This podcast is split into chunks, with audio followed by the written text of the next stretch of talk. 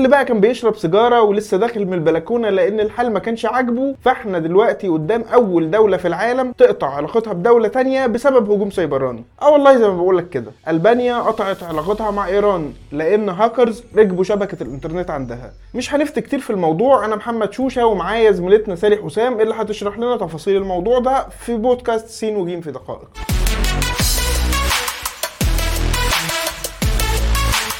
سالي إيه اللي حصل بالظبط؟ الحكومة الألبانية قالت إنها في 15 يوليو اللي فات اتعرضت لهجوم سيبراني. كان بيحاول يدمر بنيتها التحتية وإن الهاكرز حاولوا يسرقوا مخاطبات رسمية ومراسلات إلكترونية كانت تخصها. وكمان كان بيحاولوا يحذفوا أو يسرقوا بيانات من أنظمة الحكومة على الإنترنت. قالت كمان إن أربع مجموعات هاكرز شاركت في الهجمة. بينهم مجموعة إرهابية كانت شنت هجمات سيبرانية قبل كده على السعودية والإمارات والأردن والكويت وقبرص وإسرائيل. حلك يا سالي بس هو مش الهجمات السيبرانية دي معناها إن هاكر يحاول يركب الأكونت بتاعي فيشوف أنا بكلم مين ولا ينشر حاجة باسمي؟ ياه لا طبعا. الموضوع دلوقتي بقى أخطر من كده بكتير. الهجوم السيبراني بيشمل أي عمل اختراق إلكتروني بيستهدف في حده الأدنى الكمبيوتر بتاعك لكن بيوصل لأنظمة المعلومات أو الشبكات الكمبيوتر أو البنية التحتية. المنفذ بيحاول يوصل لبيانات أو معلومات في النظام من غير إذن. وطبعا المنظمات الإرهابية والدول بدأت تطور منه أشكال عسكرية قادرة تتحكم بشكل كامل في أنظمة دول بحالها بدرجة ممكن تتحكم فيها في البنية التحتية فتفصل محطات الكهرباء أو تعطل أنظمة تنقية مياه الشرب أو حتى تفجر منشآت أو تعطل هجمات عسكرية عليها. أي حاجة متوصلة بشبكة بيحاولوا يخترقوها ويتحكموا فيها بشكل كامل. طيب وإيران عندها كل الإمكانيات دي؟ بشكل عام أيوه. إيران عندها سلاح سيبراني عسكري متطور أكتر بكتير مما نتخيل. أما بالنسبة للهجوم الأخير فإيران ما أعلنتش مسؤوليتها عنه. لكن في مجموعة قراصنة إيرانية أعلنت مسؤوليتها عن الهجوم وقالت إنهم بيعاقبوا ألبانيا على استضافة حركة مجاهدي خلق الإيرانية المعارضة. كمان صدر تقرير من شركة أمن سيبراني أمريكية اسمها Mandiant في 4 أغسطس 2022 رجحت فيه إن إيران هي اللي ورا الهجوم. التقرير بتاع الشركة قال إنهم لما عملوا مراجعات للسيرفرات المستهدفة لقوا عدد من الأكواد مرتبطة بعمليات القرصنة الإيرانية. كمان لقوا سلاح سيبراني اسمه ZeroCleare. ده كان بيستخدم في تدمير البيانات على الأجهزة المخترقة. وكانت استخدمته مجموعات قرصنة إيرانية قبل كده في السنين الأخيرة منها عملية اختراق شركة البترول البحرينية بابكو في 2019 وهل طبيعي إن هجوم سيبراني يؤدي لقطع كامل للعلاقات زي اللي حصل في الحالة دي؟ لحد دلوقتي ألبانيا هي أول دولة في العالم تستخدم قطع العلاقات وطرد الدبلوماسيين كرد على هجوم سيبراني. قبل كده كانت الدول بتحاول ترد على بعضها بهجمات سيبرانية زي مثلا اللي حصل في 2014 لما كوريا الشمالية اخترقت سوني فردت أمريكا بقطع الإنترنت نفسه عن كوريا الشمالية كلها. كمان أمريكا كانت أقرت في 2015 قانون بيسمح بتطبيق عقوبات اقتصادية كرد على هجمات سيبرانية. خطوة ألبانيا هنا ممكن تقول إن العقوبات الاقتصادية مش كفاية وإن نقدر نتوقع بعد كده خطوات أصعب مستقبلا. في انتظار اللي ممكن يحصل في المستقبل بتخلص حلقتنا. كان معاكم محمد شوشة وسالي حسام في بودكاست سين وجيم في دقائق.